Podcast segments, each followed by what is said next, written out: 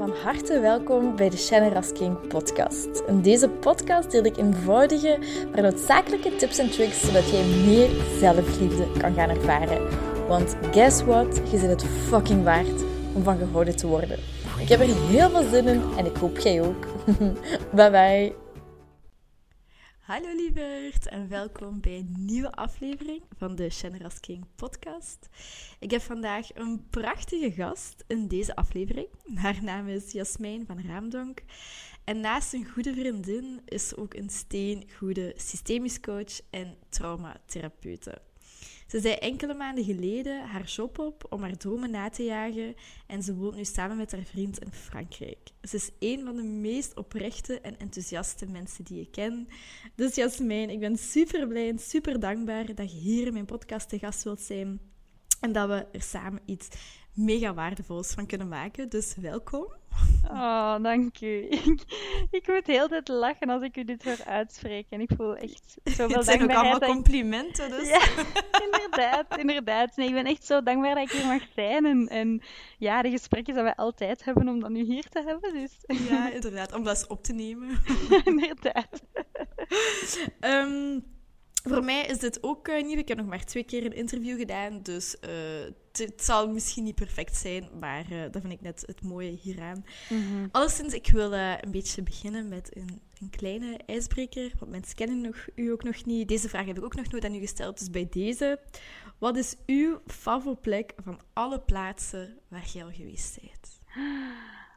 Wow, dat vind ik een zalige vraag. Mm. Um, ik moet zeggen, ik heb zo een plek um, waar ik al op verschillende plekken op aarde gezien heb of zo. Mijn lievelingsplek waar ik ook in, in, in visualisaties of zo super vaak naartoe ga, is echt gewoon op het strand. Uh, bij de zon die ondergaat, golven die je hoort landen. Uh, ja, dus uh, of dat dan nu in Frankrijk is of in Bali of in Australië. Um, ik heb ze op verschillende plaatsen gezien en dat is echt zo'n innerlijke plek of zo. Waar ik altijd naar terug, ja, terug naartoe ga. Oké, okay, dat je ook zo doet landen en rust geeft. Zo. Exact, ja. Mm, Oké, okay. thanks for sharing. Leuke vraag. um, nu, ik, ga, ik heb uiteraard de vragen voorbereid, maar um, misschien kunt je heel even in het kort vertellen wie zit jij? Hoe zit jij tot systeemtherapie, tot traumatherapie gekomen? Hoe zit jij tot gekomen om je job op te zeggen en nu in Frankrijk samen te wonen met je vriend? Neem ons uh, even mee in je verhaal. Wauw. Um, dat is een proces dat denk ik um, nu vijf jaar gaande is. Um, waarin dat ik eigenlijk eerst in een totaal andere sector werkte, in de journalistiek. Mm. En uh, dan bleek dat dat eigenlijk gewoon totaal niks voor mij was. En ja, heel hard tegen de muur gelopen, zeg maar. En dan ja, echt een pad gestart om mezelf te leren kennen. En wat ik eigenlijk leuk vond, omdat ik altijd maar dingen deed omdat dat verwacht werd of zo. Of, of dat dat goed was om dat te gaan studeren en, enzovoort. Um, mm -hmm. Maar dus sinds vijf jaar of zo ben ik dan begonnen aan een pad uh, om mezelf wat te leren kennen. En op die manier ook in contact gekomen met uh, andere systemische coaches die mij op weg hebben geholpen. En dat fascineerde mij zo hard. Uh, voilà, dat ik mij daarin ben gaan verdiepen. En in die end mijn job van gemaakt. Dus, uh... En um, hoe voelde je, want er is, er is nog uiteraard nog meer context, maar hoe voelde je dat pad journalistiek niet bij je paste? Um, ik, ergens, dat was... Um, ik heb op dat moment ben ik daar niet toe gekomen om door te voelen. Ik ben gewoon keihard tegen de muur geknald en ik kon gewoon niet meer. Dus op dat moment werd ik gewoon gedwongen om te gaan voelen. Want ik denk als... Ja, exact. Ik denk als dat niet gebeurd was, dan, dan was ik niet gaan voelen. Um, ergens onbewust waarschijnlijk voelde ik dat wel, maar ik stond daar niet bij stil, waardoor dat ik dat nu moeilijk kan zeggen of dat ik dat toen voelde. Um, mm, ik denk het niet okay. eigenlijk. Uh, Oké, okay, ik had heel veel stress, dat wist ik wel. Um, ja. Maar echt dan bewust weten van, oké, oei, dit is het dan niet. Daar was ik denk ik niet toe gekomen als mijn lichaam mij daar niet toe gedwongen had. Ja, en wat bedoelt je met je lichaam um, die je daartoe heeft gedwongen? Um, ja, ik ben gewoon in een burn-out terechtgekomen. Ik kon op een dag gewoon niet meer uit mijn bed. En um, ja, dat, je kon dat... fysiek gewoon niet meer. Nee, nee, ik kon fysiek niet meer. Dat was super raar, want ik was de dag daarvoor nog gaan lopen en zo, dus heel actief. En dan wow. ineens ging dat gewoon niet meer. Dus dat is echt, het lichaam zegt stop. En dan ja. begint er een heel proces van, oké, okay, ja, hoe komt dit? En, en leren luisteren naar je lichaam en Ehm, ja. zo is dat gestart eigenlijk. Ja, en misschien is, vind ik het een heel mooi bruggetje om te maken, omdat deze aflevering gaat natuurlijk over uh, minder het systemische, maar meer het, het trauma-gerelateerde en het zenuwstelsel. Mhm. Ehm, je, je spreekt hierover dat je lichaam inderdaad ineens stopte. Want ik wilde een voorbeeld van mezelf geven, dat kan ik subiet zelfs ook nog doen. Mhm. Maar je spreekt van, hè, je lichaam stopt gewoon vanzelf. Kunt jij daar want ik heb natuurlijk al een beetje achtergrond. Kunt je dat vanuit je traumaopleiding als traumatherapeut even misschien op inzoomen wat er, wat er gebeurd is? Mm -hmm, om dat te begrijpen moet je eigenlijk gaan inzoomen echt op het zenuwstelsel. Um, En meer mhm. specifiek op ons autonome zenuwstelsel. Dus dat zorgt ervoor dat um, uw organen blijven werken. Dus autonoom zenuwstelsel die, die werkt op zichzelf. Um, het is niet dat je daarover nadenkt van mijn hart moet nu kloppen of ik moet nu mijn nier laten werken. Dat gaat vanzelf. Um, en ons autonoom zenuwstelsel um, heeft eigenlijk als taak om te scannen voor gevaar. Als er gevaar is, dan wil ons autonoom zenuwstelsel ons terug in veiligheid brengen. Mm En er zijn eigenlijk drie soorten van staten waarin dat je kunt bevinden. En dat is één, veiligheid. Twee, uh, in de fight-flight modus. Dat kent iedereen mhm. wel. En dan de derde is de freeze modus. Mhm. En dus eigenlijk um, die fight-flight en die freeze, die hebben allebei als doel om je te beschermen. Dus je lichaam scant de hele tijd voor gevaar. Um, en in, uw eerste reactie is dan fight-flight, super hard gaan. Uh, in mijn geval dan bijvoorbeeld heel hard gaan werken. En oh, deadline, deadline, maar ik blijf gaan, ik blijf gaan, push, push, push. Maar dan op een moment zijn je reserves opgebruikt en dan, gaat je, dan kun je alleen nog maar in die freeze-modus gaan. Want je kunt je niet meer beschermen. Uh, dus je lichaam voelt van dit is te overweldigend, dit gaat niet meer. Waardoor je overgaat naar de freeze. En burn-out is eigenlijk een uiting van die freeze-status waar dat je in zit. Um, ja, omdat je reserves gewoon compleet zijn opgebruikt. En dan ga je in die freeze-modus om ja, jezelf te beschermen voor het gigantische gevaar, uh, zijnde de stress die dat daar op dat moment is. Wauw, oké.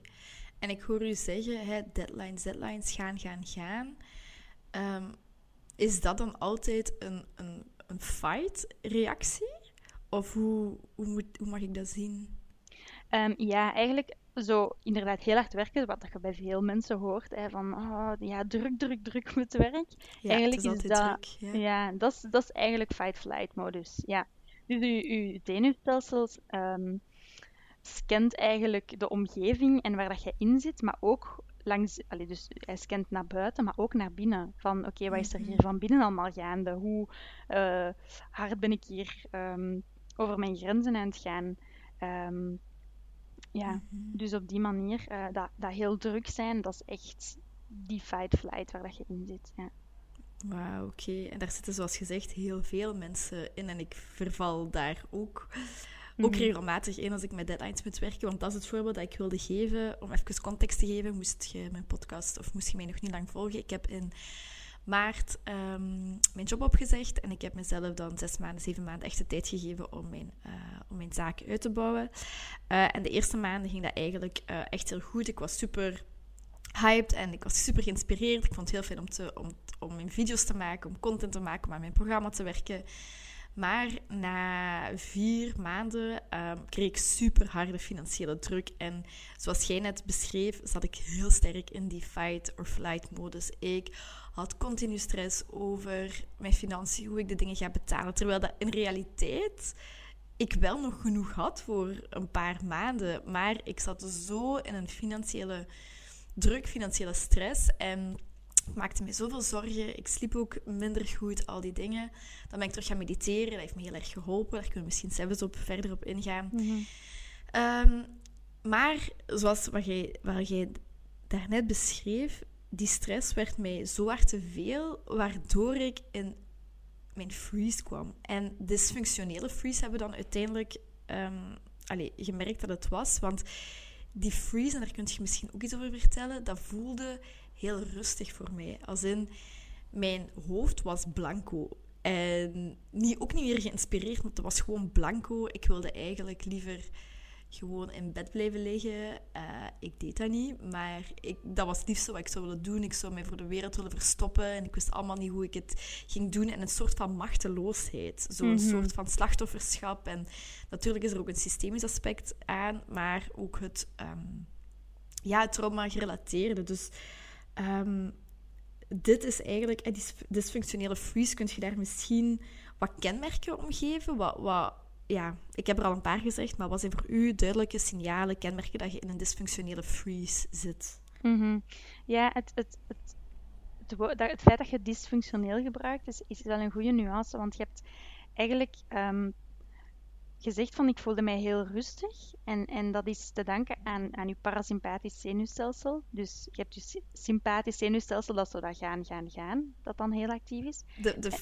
fight and flight. Ja, de fight-flight eigenlijk. Dus dat is een beetje, ze omschrijven dat vaak ook als zo de gaspedaal die je indrukt. En je parasympathicus is de rem die je indrukt. Maar dat is de freeze. Dat is de freeze, ja. Oké. Um, hoewel daar dus een nuance um, is sinds kort. Er is ja, een wetenschapper, um, Stephen Porges, die, die de polyfagaaltheorie heeft ontwikkeld. Mm -hmm. En die zegt eigenlijk van uw parasympathicus, die freeze, of de rem, dat is niet alleen freezen, maar dat is ook gewoon rustig zijn. Dus uw rem, uh, de parasympathicus die wordt geactiveerd, dat is niet alleen functionele freeze tussen haakjes. Hè, gewoon het nog rustig zijn en nog sociaal kunnen, kunnen interageren. Maar je hebt ook echt die freeze, wat dan dysfunctioneel is. Um, en dat was waar dat jij zei ingekomen. Van, je lichaam voelt van die, die dreiging is zo groot. Ik kan dit niet meer. Mijn, al mijn energie is op. En je gaat bevriezen. En dat is eigenlijk een manier om je te beschermen. Hè. Dat, we zien dat vaak als zoiets negatief en ik heb totaal geen inspiratie meer en mhm. zo. Maar eigenlijk is je lichaam mhm. zich aan het beschermen om nog meer energie op te doen. En is hij echt in modus van: oké, ik moet hier mezelf ja, um, in spaarstand zetten. Ja, zo. zoiets, exact. En wat is dan het, uh, ik begrijp niet super goed het verschil tussen dysfunctionele freeze dan en functionele freeze, waar je dan wel nog die sociale contacten kunt hebben. Wat, mm dat begrijp ik niet super goed. Ja, en het, het, het principe functionele freeze bestaat ook niet echt. Oké, okay. um, dat heb maar, ik verzonnen net. dysfunctioneel zou je wel kunnen zeggen, hè, want die freeze, ja, waar dat jij in zat, dan, dan kun je inderdaad nog maar weinig doen of weinig ondernemen.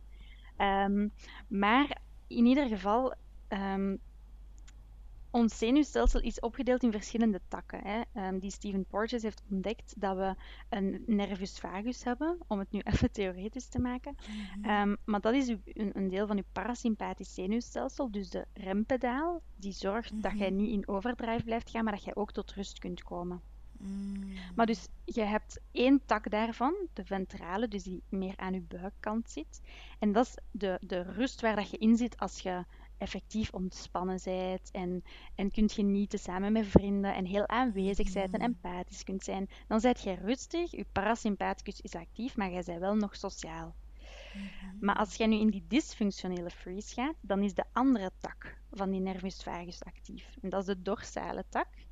Die zit meer aan je rug. En dat is echt degene waarin dat je gewoon bevroren bent. En um, die herkent je aan het inderdaad inspiratieloos zijn. Zo numbness, weinig emotie voelen, um, totaal niet in je lichaam zitten, nergens zin in hebben, um, alleen maar willen Netflixen.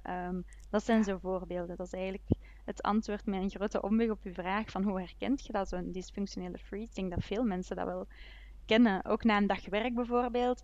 Mensen die thuiskomen en van ja, oh, eindelijk een glas wijn. Eigenlijk is dat mm. een beetje van ik, ik kan niet meer. Ik, heb dat glas wijn even nodig om.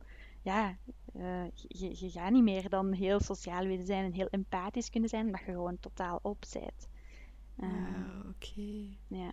Dus je zou willen afsluiten ook, je willen ja. opsluiten, dat zijn ook kenmerken dan? Van, ja, inderdaad, inderdaad. Echt geen zin hebben in sociale contacten. Um, het heel moeilijk vinden om dan die stap te zetten om iemand te zien. Um, ja, inderdaad, dat zijn allemaal voorbeelden. Oké, okay. en is dit ook een voorbeeld? Bijvoorbeeld s'avonds na het werk thuiskomen, ah, terug eh, dat eten maken, die stress, en dan eigenlijk gewoon heel de avond Netflix willen kijken, of gewoon willen slapen, of gewoon in de zetel willen liggen, geen energie meer hebben. Ja, inderdaad. Dat je denkt van, je komt thuis aan het werk en je bent nog in die, oké, en ik ga straks dat en dat en dat doen, maar je komt thuis en in die end je, kun je niks meer doen die avond. Mhm, Dat is eigenlijk een mhm. voorbeeld daarvan, ja. Op heel Is dat dan altijd... basis. Sorry, wat blieft? Op heel, dat is zo'n heel dagelijks voorbeeld. Ehm, Oké. ja. Maar wilt, wilt dat altijd zeggen dat je in een freeze zit? Of kun je ook gewoon, omdat je energietank op is, kun je daarom gewoon ehm, inderdaad s'avonds niks meer kunnen doen? Of heeft het altijd met een freeze te maken? Ehm, dat is een goede vraag. Ja, je kunt ook gewoon moe zijn. en Mhm, Ja, het is dat. op zich is een freeze ook niet erg. Eh, het doel Mhm. is ook niet om de hele tijd in die ventrale sociale ontspanning te zijn.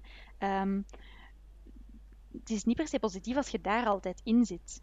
Je bent het meest Mhm. veerkrachtig als jij kunt switchen tussen freeze en dan een keer naar ehm, fight-flight gaan, om dan eh, in de ventrale te gaan. Het is juist door te wisselen tussen die verschillende staten dat je eigenlijk veerkracht toont. Ehm, ah, oké. Interessant. ja, dus die- we we hoeven dat niet per se op een negatieve manier te kijken. Dat is ook niet erg dat je uitgeteld bent na een dag werken. Ehm, Ja. ja. Ja, oké. En voor mensen die zich hierin herkennen en eh, wat ik mij de afgelopen maanden, mhm. twee maanden toch wel eh, heb in herkend, ehm, wat zou jij mensen aanraden om te doen wanneer ze in die situatie zitten? Ja, als je, als je merkt ehm, dat je echt in die freeze zit, dat het niet gewoon is van oké, ik, heb, ik heb even een, wat drukte gehad, eh, maar dat je Mhm. voelt dat je echt wel regelmatig zo in numbness zit en, Ja, eh, en in, apathischheid, moeilijk om, om nog contacten te leggen enzovoort, dan is het eigenlijk letterlijk heel goed om te gaan bewegen, om uit die freeze te komen. Je moet je dat inbeelden, je bent, je bent bevroren, je lichaam, je mhm, zenuwstelsel zit eigenlijk zo wat verkrampt. Dus dan is het echt Mhm. heel, ehm, dan kan het heel veel deugd doen om te gaan bewegen, om letterlijk je lichaam in beweging te brengen. Dus door te gaan sporten, door te gaan wandelen, door yoga te doen, zolang dat er maar Mhm. beweging in je lichaam komt. Ja, Ehm, dat is een manier. Maar evengoed ehm ademhalingsoefeningen. Maar dan ook wel heel Mhm. specifiek de meer activerende ademhaling. Niet de rustgevende ademhalingen, maar bijvoorbeeld zo Breath of Fire ehm, mhm, van, of Wim Hof. eh, Zoiets wat je heel hard activeert. Dat zijn ook goede oefeningen om je echt uit die freeze te halen. ja, ja, oké. Heel mooi. En eh, ik weet dat we daar onlangs een gesprek over hadden. En ik wil dat hier misschien ook even delen. mhm. Eh, wie weet heeft iemand daar, daar ook last van. Of ja, last van. Ehm, dus toen ik in deze fase zat, ehm, we zijn die in die dysfunctionele freeze, dan had ik s'nachts eigenlijk heel vaak ehm, ja, nachtmerries, waardoor ik... Allee, dat was meer tegen naar de ochtend aan, waardoor ik dan eigenlijk halvelings wakker werd, maar mijn- heel mijn lichaam bevroren was, dat ik zo niet kon bewegen. En ik heb je toen gevraagd van, oké, wat, wat betekenen zo die nachtmerries? En dat je zo wakker wordt, dat je eigenlijk in angst wakker wordt. Mhm. En ik weet dat jij toen gezegd hebt ehm, dat dat eigenlijk een overprikkeld zenuwstelsel is. Ehm, en heb je ook verteld van de freeze, dat dat de eerste verdedigingsmechanisme is dat wij geleerd hebben in de buik van onze mama. Dus misschien Mhm. kun je daar heel kort dan nog eens herhalen, want ik vond dat wel heel boeiend. Ja, ja. Ehm, dat is eigenlijk de, de ontwikkeling, zowel in, in, eh, in de geschiedenis heen, in de ontwikkeling eh, doorheen de geschiedenis, maar evengoed in de ontwikkeling van een vruchtje in de buik van de moeder, ehm, ontwikkelt het zenuwstelsel zo dat je eerst ehm, de tak ontwikkelt die de, de freeze, ehm, die zorgt voor de freeze-reactie. Daarna pas ontwikkelt de tak in je zenuwstelsel waarin dat je kunt gaan vechten en vluchten. En dan als laatste ontwikkelt zo dat sociale interactie, die ventrale tak zich. Mhm. Maar dus als jij in de buik van je, je mama zit, ehm, ja, mensen weten dat misschien niet, dat jij eigenlijk alle emoties binnenkrijgt van je moeder. Dus jij ervaart eigenlijk al heel veel als baby, maar de enige reactie die jij kunt geven op die prikkels die binnenkomen, is freezen. Want ja, jij zit in die buik, jij kunt nog niet gaan vluchten. Dus jij, Ja. hebt, eh, jij krijgt als baby zoveel binnen en je zenuwstelsel begint hè, zich te ontwikkelen, begint te werken. Maar ja, als baby kunt jij nog niet vechten of vluchten. Dus dan is freezen eigenlijk het enige wat je kunt doen om je op dat moment te beschermen. Ehm, ja. Mhm. Oké, mooi, ja. Ik vind dat zo'n andere inkijk. En, allee, zo had ik er daarvoor eigenlijk nog nooit over, over nagedacht. Dus dankjewel om dat te delen. Ja. Ehm, dan naast die freeze had je ook al gezegd hè, dat je eh, ook in de hyper kunt gaan. Mhm. Kunt je daar... Allee, we hebben er al een klein beetje over gepraat, maar kunt je daar wat extra voorbeelden en kenmerken van geven? Ja, dus die, die, die hyper, inderdaad, zo de, de fight-flight-modus waar dat je in zit. En dat is bijvoorbeeld zo heel, heel snel geagiteerd zijn, heel snel geïrriteerd door andere mensen, ehm, heel emotioneel zijn, oftewel super ineens uitbarsten in woede of in tranen. Ehm, dat, is, dat is heel ehm, onrustig. Heel veel chaos. Ehm, ik denk dat iedereen dat ook wel kent. Van, ah, bijvoorbeeld, ik moet, dat, ik moet dat nog doen en ik moet dat nog doen. Zo, als je voelt dat dat moet je... op tijd klaar zijn en dat en dat en dat. Ja, inderdaad. Als je voelt dat je, als je jezelf betrapt op zeggen ik moet, ik moet, ik moet, Mhm. dan zit je Mhm. waarschijnlijk in die hyper, eh, in die fight-flight modus. Ja, en ik herken dat gewoon zo goed bij mezelf. Dat is ergens zo. En dat heb ik uiteraard ook weer overgenomen van mijn mama en van mijn moeke. Want zij was ook, dat waren allemaal mega harde werkers. En dat was allemaal gaan, gaan, gaan. En het moet, het moet, het moet. En een voorbeeld daarvan is mijn moeke. Is de mama van mijn mama. Die eh, had slagerij samen met mijn opa. Eh, en die haar water brak in de slagerij. Maar op dat moment moest er nog iets, eh, iets opgekuist worden. Dus mijn moeke heeft nog eerst een paar uur gekuist. De slagerij in orde gemaakt. En dan is ze alleen naar het ziekenhuis gegaan. Heeft een dokter haar gebracht. Mijn opa die was aan het werken in de slagerij. Die kon niet meegaan. Oh. Mijn moeke is alleen bevallen van mijn, van mijn mama. Ehm, dus ja, heel logisch dat dat in mijn DNA, dat, dat dat mijn imprint is van gaan, gaan, gaan en moeten, moeten, moeten en snel, snel, snel. Mhm. En mijn mama is daar nu ook, ook veel meer mee bezig en veel meer aan het denken van oké, het hoeft allemaal niet zo snel te gaan. Het mag ook rustig gaan en je kunt dingen doen, maar ook op een ontspannen manier. En wie weet gaat dat misschien nog sneller, misschien ook niet, maar zo die continue druk met deadlines. En ik denk dat heel veel mensen zich daarin herkennen. De druk ligt zo hoog momenteel in de maatschappij om te verdienen. Vroeger kon je met één gezinshoofd, één gezinshoofd die ging werken, kon je een familie van drie, vier mensen onderhouden. Nu heb je vaak al twee mensen nodig. Oké, dat is een hele andere discussie nu, maar de druk ligt gewoon zo hoog. De productiviteit moet er zijn en rust wordt zo vaak als iets zwakkers of negatief gezien. Of ja, toch in, in mijn systeem, in mijn familie. En dat is zo wat de patriarchale structuur ook. En de, de kwaliteit of de noodzaak aan rust wordt heel vaak vergeten. En daarom, ik ben nu ook volop aan het solliciteren, terug om die financiële druk terug op te vangen. Dat voelt ook super goed. Ik ga ook alleen maar vier vijfde werken, omdat mijn levenskwaliteit is voor mij nu zo belangrijk. Ik heb dat zo hard beseft. Ik kom op de eerste plaats. Mijn energie komt op de eerste plaats. En dan komt de rest. En dan kan ik dingen zoveel beter doen. Mhm. Ehm, dus ik denk dat zoveel mensen zich daarin herkennen. In die van, ah, gaan, gaan, gaan. En het moet, het moet, het moet. Hoeveel moeten we van onszelf? Mhm. Ook we moeten gaan sporten. En we moeten de goede vriendin zijn, de goede dochter zijn. Of een goede zoon zijn. Of een goede partner. En er goed uitzien. En, en al die dingen. We leggen, er zijn zoveel moetens. En dat brengt ons eigenlijk, als ik u hoor, telkens in die, in die fight or flight modus. In die hypermodus. Mhm. Ja, inderdaad. Ik denk dat we collectief in de hyper zitten. Ja. Ehm, inderdaad, de, de, de maatschappij ehm, ja, faciliteert dat ook om, om de hele tijd in die hyper te zitten. En in principe is dat ook Mhm. niet erg, zolang dat je gewoon manieren vindt om ook weer jezelf tot rust te brengen. En om, Ja. te, om te, te switchen tussen die verschillende standen. Maar dat Ja. je niet alleen maar in de hyper zit. Want op den duur Mhm. ga je dan ook gewoon in de freeze terechtkomen, omdat je niet meer anders kunt. Dus het is Ja. super mooi van uw mama, van u, dat je daarvan bewust bent. En daarom is, is Mhm. deze ook heel mooi dat we dit nu bespreken, omdat als mensen het gaan herkennen bij zichzelf, van oh, ik zit in de hyper, dat is niet erg, maar ook eens zorgen dat ik, eh, dat ik tot rust kom.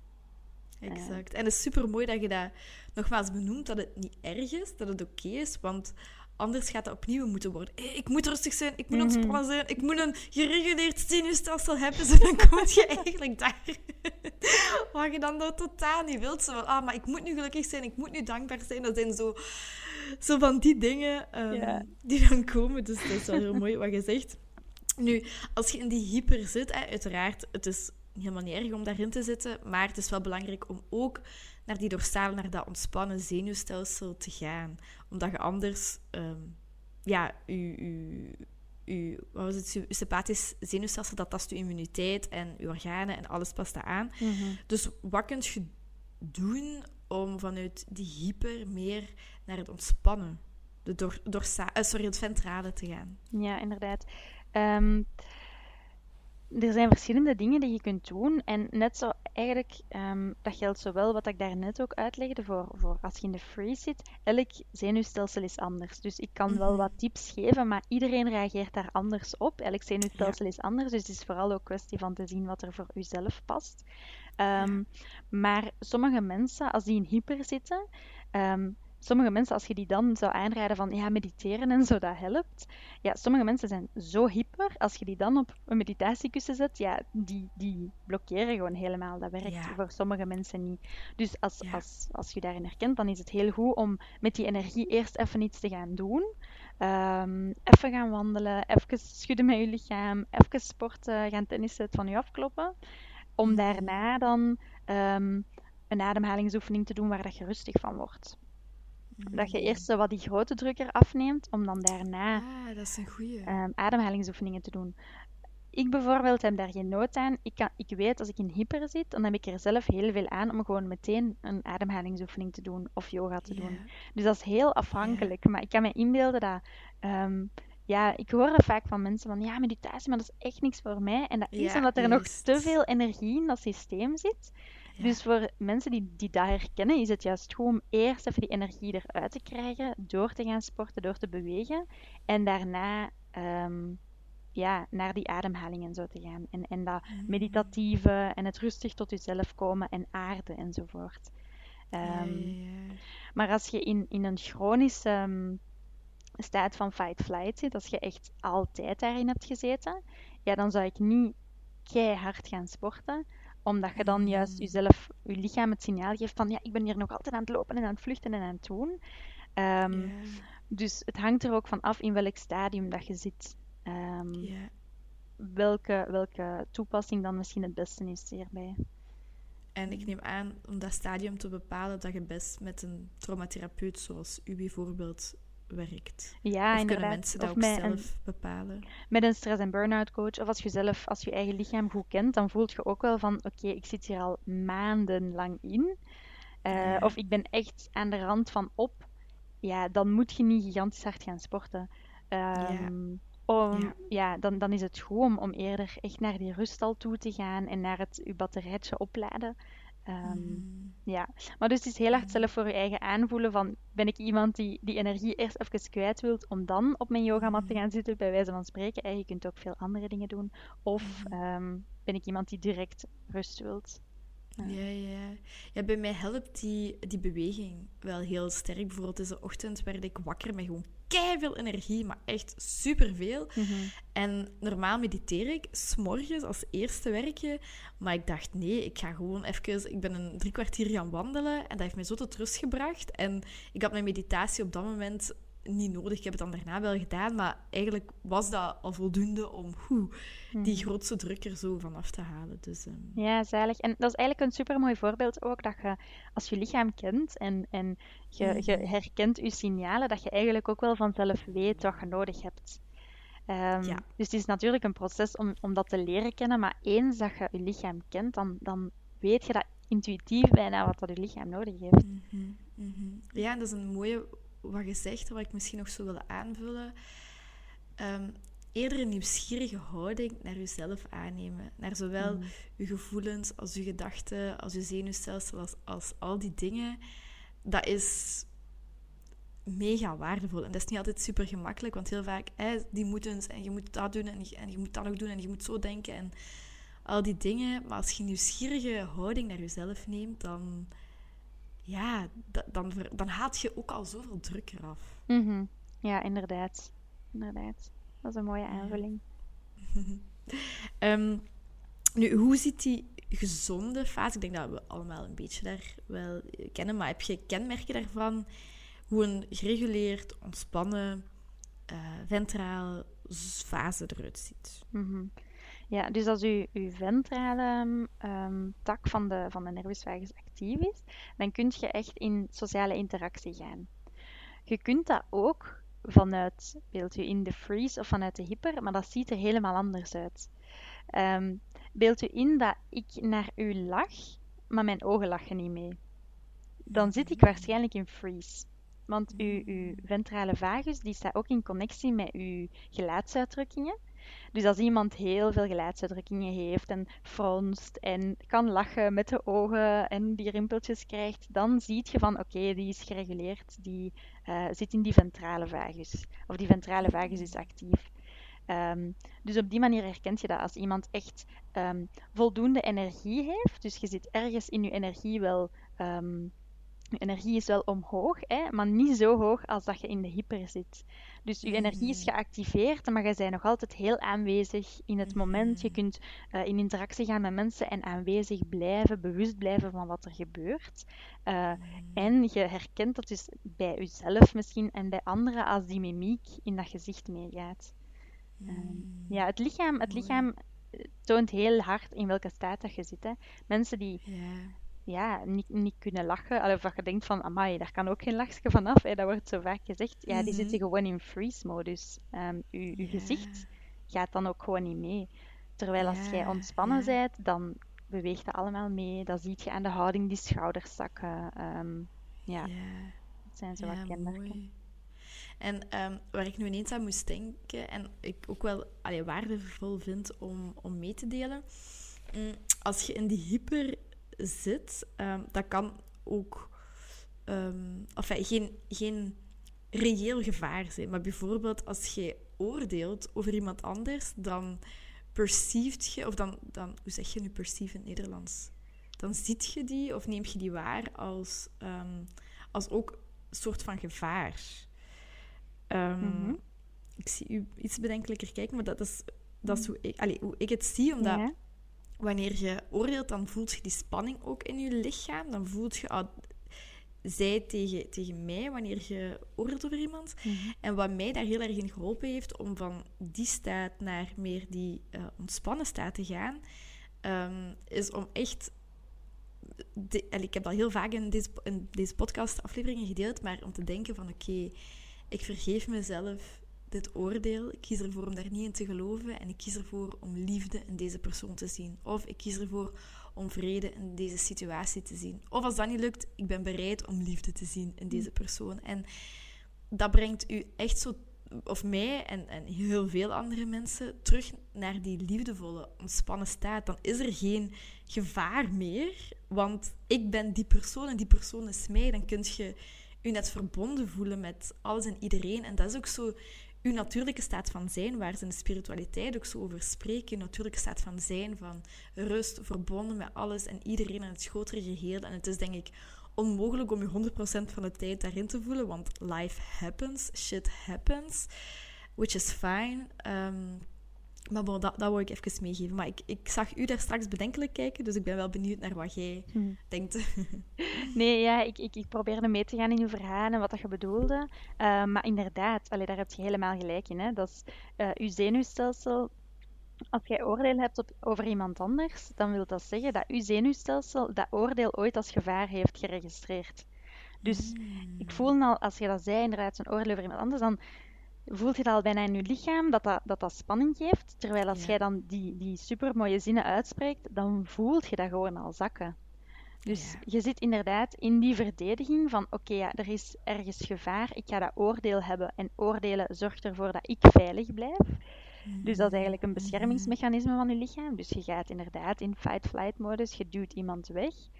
Um, terwijl als je dan dat gaat jezelf vergeven, dan ga je heel hard de zakken daarin. En um, dan kom je wel terug mhm. inderdaad in die ventrale. Dus, ja. ja, klopt. Ja, want heel vaak denken we, ja, als, als, ik, als ik dat ga zeggen, je voelt dan zo'n weerstand bij jezelf. Van ja, maar die persoon die verdient dat niet. En die heeft iets dat gedaan. Of, of, of ik heb gelijk. Of zo die ego-gedachte.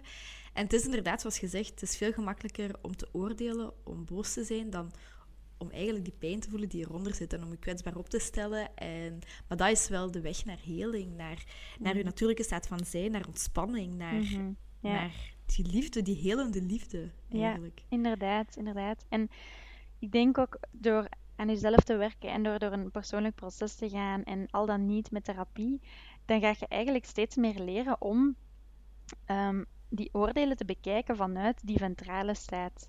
En Mhm, vanuit die exact. ontspanning dat je ziet van, oh wow, hier komt boosheid, hier komt oordeel op, maar dat je nog altijd in die staat kunt blijven, waarin dat je super bewust bent van, amai, dat is hier precies, eh, ik voel dat ik mij precies moet gaan verdedigen. En, en dat is echt het Mhm. resultaat van een heel proces van bewustwording, van oké, in welke staat zit ik hier? En uiteindelijk is dat waar we naartoe willen, dat je vanuit ventraal kunt gaan bekijken van, oké, waarom doe ik dit eigenlijk?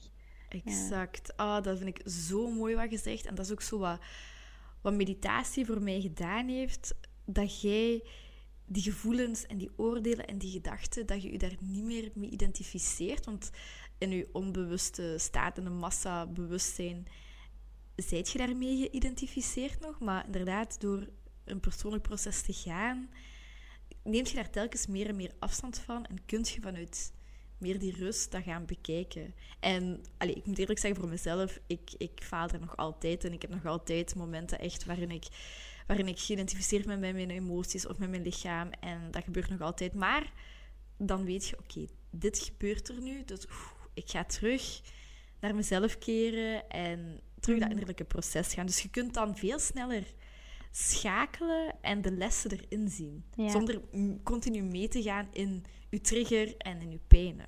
Ja, inderdaad. En wat je hier aangeeft ook als voorbeeld is, ik vind dat een mooie aanleiding om ook te zeggen van, je, je- het leert u ook om mild te zijn voor jezelf. Ehm, Mhm.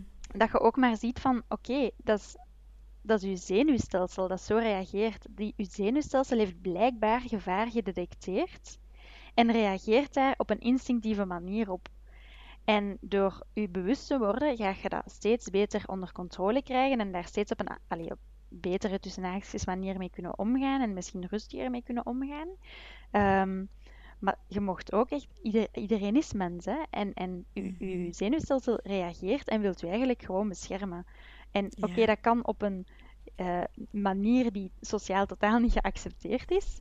Maar in die end wilt je zenuwstelsel u gewoon beschermen en is dat ook maar wat jij geleerd hebt. Je zenuwstelsel Ja. heeft een soort van geheugen waarin dat die opslaat wat jij ooit hebt meegemaakt. En die classeert dat dan, om het nu simplistisch te zeggen, dat is gevaarlijk, dat is niet gevaarlijk. Ja. En op het moment Ja. dat jij een oordeel krijgt, net daarvoor, is er waarschijnlijk iets dat je zenuwstelsel heeft gedetecteerd als gevaar. En uw reactie is dan oordeel of weet ik veel, of uitschelden Mhm. of wegduwen. Maar dat is eigenlijk maar omdat uw zenuwstelsel ooit heeft gezien van oké, wat ik hier als prikkel krijg, dat is niet veilig. En die klasseert dat als Mhm. niet veilig, dus ik moet mij gaan beschermen en ik ga in fight, flight of in freeze. Ja, en er, bij mij komt er nu een voorbeeld op, eh, en misschien herkennen andere vrouwen dat ook. Wanneer ik bijvoorbeeld een hele mooie vrouw eh, zie wandelen over straat ehm, en ik raak daardoor geïntimideerd, dan ga ik, kom ik meteen in freeze-modus. En misschien kan ik dat ook linken. Ik, ehm, ik ben opgegroeid, mijn ouders zijn gescheiden toen ik 5, 6 jaar was. Mijn papa was er emotioneel en fysiek heel vaak niet, of die is een hele lange tijd niet in mijn leven geweest, of toch helemaal niet actief. Ehm, en ehm, daar speelde altijd heel erg zo. ik, heb, ik heb wel wat stiefmama's gezien. eh, en als ik, dan, als ik dan bij mijn papa was, dan was mijn papa heel vaak bezig ehm, met die andere vrouw. Dus, dus andere vrouwen werden een gevaar mooiere vrouwen of, eh, of gewoon mooie vrouwen of soms zelfs gewoon vrouwen ehm, werden dan een gevaar, waardoor soms als ik over straat loop, is dat nog altijd een automatische reactie. Dan moet ik echt, oké, het is oké en ik ga wat glimlachen, wat bewegingen maken met mijn mond en met mijn gezicht om zo uit die freeze te komen. Ehm, maar dus, dat wil ik ook graag linken. Dus ehm, wanneer je vroeger ehm, ja, je, je- dit gehad hebt, bijvoorbeeld een afwezige papa hebt gehad, of een afwezige mama, of, of, of wat ook mag zijn, of die waren wel heel goed voor u, maar er, in elk gezin gebeuren er bepaalde dingen.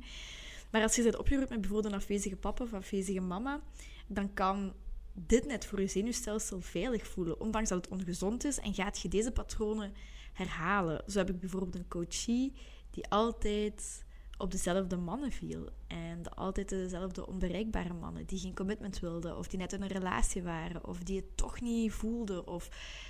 En door dan haar innerlijk werk te doen, dat ze die patronen kon keren net. En ehm, om nieuwe wegen naar zenuwstelsel te maken. Maar ik wil graag uw, uw feedback daarop horen. Wat, wat haalt jij daaruit? Mhm. Ja, um, uw zenuwstelsel weet van oké, met alles wat ik heb meegemaakt en alle reacties die ik daarop heb gehad, ben ik nog altijd in leven. Dat is uiteindelijk het Mhm. doel van dat zenuwstelsel. En ehm, bijvoorbeeld foute mannen aantrekken enzovoort, dat voorbeeld dat je nu net geeft, ja, Mhm. ze heeft dat altijd overleefd. Ehm, Mhm. Exact, ja. waardoor dat uw, uw zenuwstelsel is ergens totaal gedis, allee, ehm, ja, door elkaar geschud, zeg maar. Je kunt, ehm, uw, radar, uw radar klopt ook niet helemaal als je in, in je jeugd heel heftige dingen hebt meegemaakt of als je trauma's hebt Mhm. meegemaakt, dan is uw radar zeg maar kapot van uw zenuwstelsel. Maar dan gaat jij wel Mhm. hebben onthouden, oké, daar heb ik het overleefd, ook al was dat een verschrikkelijke situatie. Dus dat is veilig, tussen haakjes. Ja. Waardoor dat jij ehm, heel vaak misschien in, in heel slechte relaties kunt terechtkomen, omdat dat is wat je kent. En wat je kent, wat je zenuwstelsel kent en dus overleefd heeft, is veilig. Mhm. En dat is Mhm. zo moeilijk om dat rationeel te vatten, want mensen zeggen vaak van, allee, je blijft daar toch niet bij en je weet toch dat Ja, dit slecht is voor u? Exact. En met je hoofd weet je dat. Maar deze is echt een heel mooi voorbeeld van, ja, maar het is niet je hoofd dat dat beslist, het is je zenuwstelsel, dus je lichaam dat Mhm, deze mhm. beslissing maakt. Mhm. Ehm, met de allerbeste Ja, bedoelingen. inderdaad. Ja, en dan, dan kun je ook, als je in de verlatingsangst zit, nu dat is een andere discussie natuurlijk, dan kun je echt zo die trekkracht voelen van, ik, ik moet daar een, tussen aanhalingstekens, hit of shot van hebben. Ik moet iets van aandacht, ik moet iets krijgen, want dan, dat zit dan, dat zit dan zo hoog. En ehm, ja, ik wou nog iets zeggen, maar dat ben ik... ehm, dat heb ik nu even vergeten. Ah ja, het systemische, wat, wat, wat mij heel erg daarmee geholpen heeft, want ik heb ook een beetje een track record van ehm, de, de verkeerde mannen uitkiezen. En ik heb gewoon beseft dat ik daar zelf een heel groot aandeel in heb gehad. Dat ik enerzijds de mannen uitkoos, dat ik over mijn grenzen liet gaan, dat ik zelf niet naar mijn, mijn slachtofferschap wilde kijken, dat ik zelf mijn verantwoordelijkheid moest nemen, dat ik echt voor mezelf had te kiezen mezelf op één te zetten eh, in plaats van mijn partner of, of mijn ex-partner of, of weet ik veel. Mhm. En bij mij heeft dat systemische ook echt extreem veel geholpen om echt zo die verstrikking met, met mijn papa, met mijn stiefpapa te gaan verbreken, zodat ik, ehm, ik plaats had voor een goede man Mhm. naast mij. Want heel vaak zeggen, hè, die coachie die zei van ja, maar ik ben klaar voor commitment. Ik ben klaar om de man van mijn leven te ontmoeten. Maar dan zei ik nee, want anders ontmoet ik hem nu. Want de beschikbare mannen, die vind je vaak saai. Die Mhm. vind je niet spannend genoeg. Ah nee, want uw zenuwstelsel voelt dan geen spanning. Die Mhm. voelt die angst niet. Maar wa- wat wij vaak ehm, de linken als verliefdheid, is vaak gewoon een stressreactie. En dat maakt het super onromantisch. Maar Mhm. dat is wel gewoon zo. Dus het, allee, ja, ik vind dat, ik vind dat zo mooi dat er in therapie zoveel verschillende pistes bestaan om die allemaal aanvullend kunnen zijn om u daar doorheen te helpen. En ik Mhm. ben dan bijvoorbeeld heel erg het systemische in relatie. Jij zit ook het systemische en het trauma, eh, lichaamsgerichte daarbij, wat super waardevol is. Dus ehm, ik weet niet of je daar nog iets wilt op aanvullen. Ehm, ja, misschien wel. Ik, ik moest even denken met dat je zei van eh, ze op zoek gaan naar eigenlijk foute mannen en, en die geven ze wat ik ik. Dat komt ook vaak ehm, bij mensen die heel hard in de freeze leven. En die Ah, juist zo dat, dat, dat onveilige, zeg maar, of zo het, het, het spannende, dat geeft het gevoel van, ah, ik ben, oeh, dan gaat, dan gaat je in die hyper en dat, dat geeft het gevoel van, ah, oké, ik, ik leef weer. En, en voilà, nu voel ik mij goed, terwijl je dan eigenlijk in een staat zit die niet super gezond is. Ehm, Maar dat is wel, dat voelt beter dan in de freeze te zitten. Dus ehm, Mhm. dat misschien als aanvulling, dat kwam even in mijn hoofd op als je dit aan het vertellen waart. Ja. Ja, oké, ja, dank u. Heel waardevol. Ehm, nu, hoe kun je... eh, allee, we hebben wel al een paar dingen gezegd van ehm, bewegen bijvoorbeeld om je zenuwstelsel te gaan reguleren. Dus bewegen, sporten, ademhalingsoefeningen. Dat is meer als je het zelf wilt doen, dus je, je, eigen je zelfregulatie. Maar je hebt ook co-regulatie. Mhm. Kunt je, misschien heb je nog aanvulling op die zelfregulatie, hoe mensen hun zenuwstelsel meer kunnen gaan reguleren zelf? Of zeg je de, belangrijkste dingen zijn nu benoemd? En uiteraard met een traumatherapeut werken, zoals jij. Maar, eh. Ehm, om zelf je zenuwstelsel zo terug tot rust te brengen. ehm, eigenlijk, als je in die ventrale staat wilt terechtkomen, ehm, je, je doorloopt eigenlijk altijd dezelfde fases. Je kunt niet van freeze naar ventraal gaan en ventraal ontspannen. Dus je moet eigenlijk vanuit de freeze naar de hyper gaan. Dus heel hard gaan bewegen, heel je, je hartslag laten omhoog gaan in de hyper. En vanuit de hyper kun je naar, ehm, naar rustig gaan. En dus ehm, dat kun je doen hè, door jezelf te reguleren met bijvoorbeeld, eh, met de voorbeelden die ik daar straks aangaf, hè, het, het gaan sporten, ehm, daarna mediteren bijvoorbeeld, yoga doen. en dat zijn, dat, is dat zijn super waardevolle technieken, maar de meest onklopbare techniek is eigenlijk co-regulatie, inderdaad, met andere mensen. Ehm, om in dat ventrale te komen, connectie met andere mensen, dat doet je vanuit die ventrale staat. Ehm, als die ventrale tak van je nervus vagus actief is, ehm, kun je in interactie gaan met mensen. Dus mensen rondom u is eigenlijk de beste regulatie voor je zenuwstelsel. Positieve mensen dan. eh, ja, positief. Of- Ja, ehm, mensen in het algemeen. Nee, ja, positieve mensen, je hebt gelijk. Want ja, misschien moet ik hierbij even het, het, het principe van neuroceptie uitleggen. Mhm, mhm. Ehm, dus wij gaan de hele tijd, ons zenuwstelsel gaat de omgeving scannen. En dus ook de hele tijd scannen van, oké, is, is, is die persoon veilig eh, of niet veilig? En wat dat je als veilig of niet veilig eh, bekijkt, ja, dat hangt af. Iedereen zijn zenuwstelsel is anders. Iedereen is anders ehm, ontwikkeld, heeft een andere jeugd gekend. Ehm, dus wat veilig is voor u, is misschien niet veilig voor mij. Ehm, op welke trein zat ik nu? De neuroceptie. De neuroceptie. Ja, dus eigenlijk, we gaan de hele tijd gaan scannen wat er veilig is en wat niet. En je gaat meteen ook voelen bij iemand anders of dat die bijvoorbeeld bij u aanwezig is of niet. Ehm, dus als iemand ja, heel ehm, gestresseerd is en jij gaat daarmee co-reguleren, je zenuwstelsel stemt zich daarop af, die wilt connectie leggen met die persoon, maar ja, dan moet je altijd even in dezelfde staat gaan. Dus als jij ehm, gaat co-reguleren met die persoon en die is helemaal in de hyper, dan is de kans dat jij in de hyper gaat ook groot. Dus idealiter, als jij heel in de hyper bent, zoekt je liever iemand die in ventraal zit om mee te co-reguleren. Mhm, Ehm, mhm. Want we gaan ons heel hard met die spiegelneuronen, gaan wij ons heel hard ehm, afstemmen op de staat van de andere. Ja. Ja. Ehm, ja. Ja, nee, inderdaad, heel duidelijk. Dus, want daarom is voor mij zo mijn inner circle en de mensen waar ik mee omga zo extreem belangrijk. Ik ben er zo gevoelig aan, aan, aan een omgeving. Dat is ook het werk dat ik zoek. Ik kijk vooral naar, naast de functie echt naar omgeving. Ehm, daarom bijvoorbeeld ook en met u, met andere vriendinnen, met Jonathan. ehm, dat zijn allemaal beschikbare mensen. En tuurlijk, iedereen heeft ups en downs, maar dat is zo positief. Dat heeft zo'n positieve invloed. En dat is zo extreem, extreem, extreem waardevol om mensen te hebben die openstaan voor uw gevoelens. Zowel die wij bestempelen als negatieve gevoelens, als positieve gevoelens. En andersom ook. Ik ben er ook voor wanneer jij u niet goed voelt, of net wel heel goed voelt. En bij Jonathan, andere vriendinnen, vrienden, familie ook. Dus dat is zo waardevol. En dat is dan inderdaad wel een, een, een mooie kanttekening.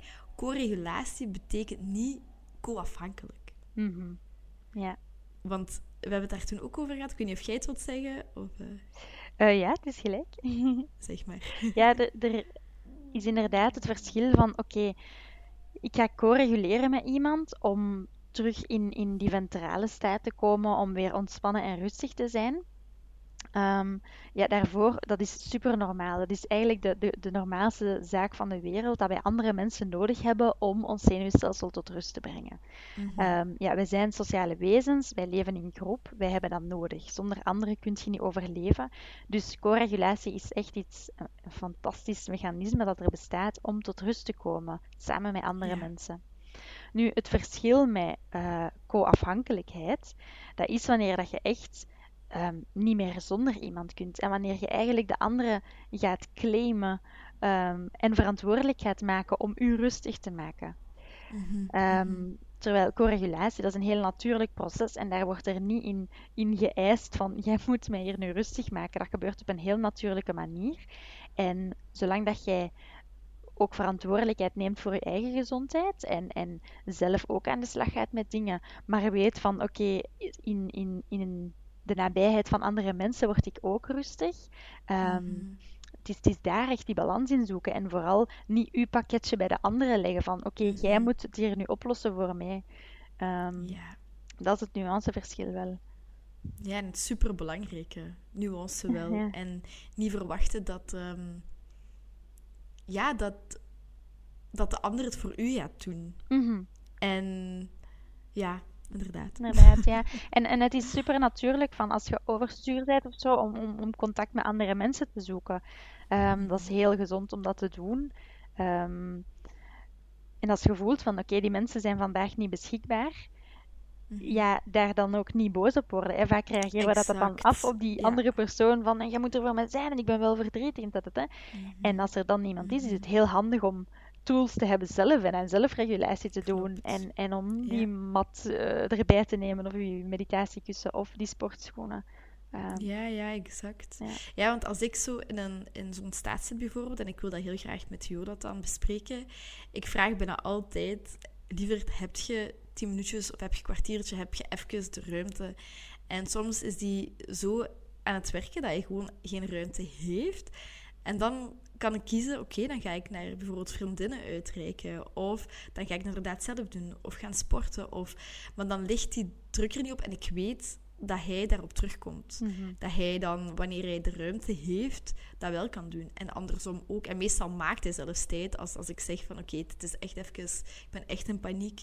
Ehm, meestal laat hij ook dingen vallen en, en, en belt hij mij even op om, om te co-reguleren. Maar soms gaat dat niet en dan is het goed om zorg voor jezelf te dragen en uitreiken naar vriendinnen. En zo die sisterhood, zo vrouwelijke vriendinnen hebben die er voor je zijn, waar je gevoelens mee kunt delen. En oh, een van de meest waardevolle dingen in mijn leven, denk ik echt. Mhm.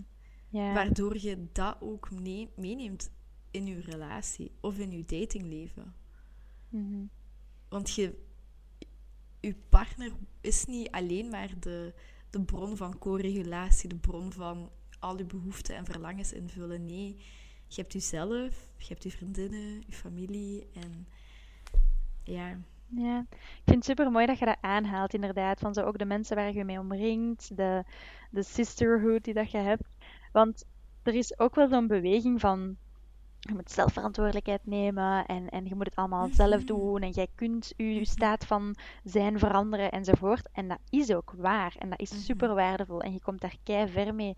Maar we mogen Ja. ook niet vergeten dat wij ook gewoon sociale wezens zijn die superveel hebben aan ehm, in een tribe te leven en, en te kunnen Mhm. rekenen op elkaar. Dat is echt super veel waard. Dus dat is gewoon ook echt broodnodig en noodzakelijk om ook dat te hebben naast de zelfzorg die je doet. Om ook gewoon een heel goede Mhm. community te hebben waar je bij terecht kunt. Ah, wel ja, exact, exact, exact. Hm. Ehm, dit waren wat mijn vragen. Ik denk dat we al heel veel waarde hebben geboden. Nu, als mensen zoiets hebben van... Oeh, die Jasmijn, ik vind haar kei sympathiek en kei tof en kei enthousiaste. Die zegt super veel rake dingen.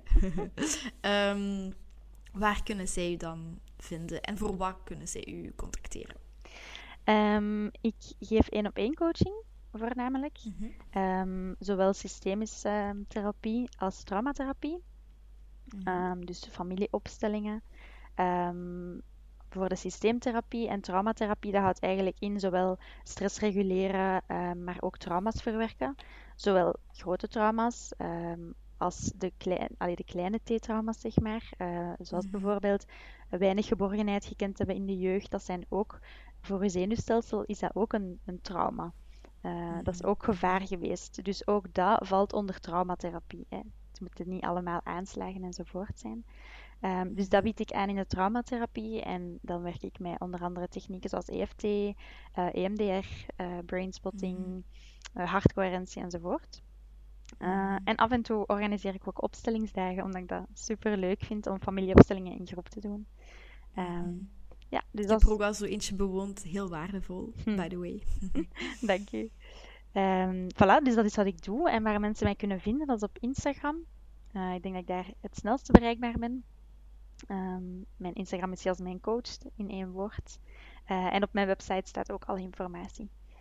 Uh, ik zal uh, onder deze podcastaflevering zal ik zowel de link naar uw Instagram als um, naar uw website uh, linken. Want je hebt daar ook een gratis weggever op staan om je zenuwstelsel te reguleren, dacht ik, hè? Ja, ik heb verschillende ademhalingsoefeningen um, die ik gratis aanbied. Okay. Um, en dat zijn voornamelijk oefeningen om uit de hyper te komen. Aha, uh, okay. Om dus uit je fight-flight modus vooral naar, het, naar de rust terug te gaan. Ja, ja. oké. Okay. Nee, super waardevol. Dan wil ik je super hard bedanken voor de mega waardevolle talk. Ik denk dat mensen daar heel veel aan kunnen hebben. Dank je om te gast te zijn hier. Ik vond het heel leuk. En um, ja. dan zullen we het hier afsluiten. Misschien wilt je nog een woordje zeggen tegen als einde, als afscheid. Ja, ik, ik, wil vooral antwoorden op de mooie dingen dat je net zei. Ik vond het fantastisch om hier te zijn, om gewoon onze gesprekjes te hebben en om dat te kunnen delen met mensen. Ik, ik, ik leef daar helemaal van op, dus merci dat ik hier ja, mocht ik zijn. Ook. Dat is heel, heel, heel, heel, heel graag gedaan. heel veel liefs. Doei. Heb je iets gehad aan deze podcastaflevering? Wilt je dan alsjeblieft een review achterlaten? It would mean the world to me. En voor nu mocht je jezelf zo hard vieren dat jij de tijd hebt genomen voor jezelf. Heel veel liefst en tot de volgende!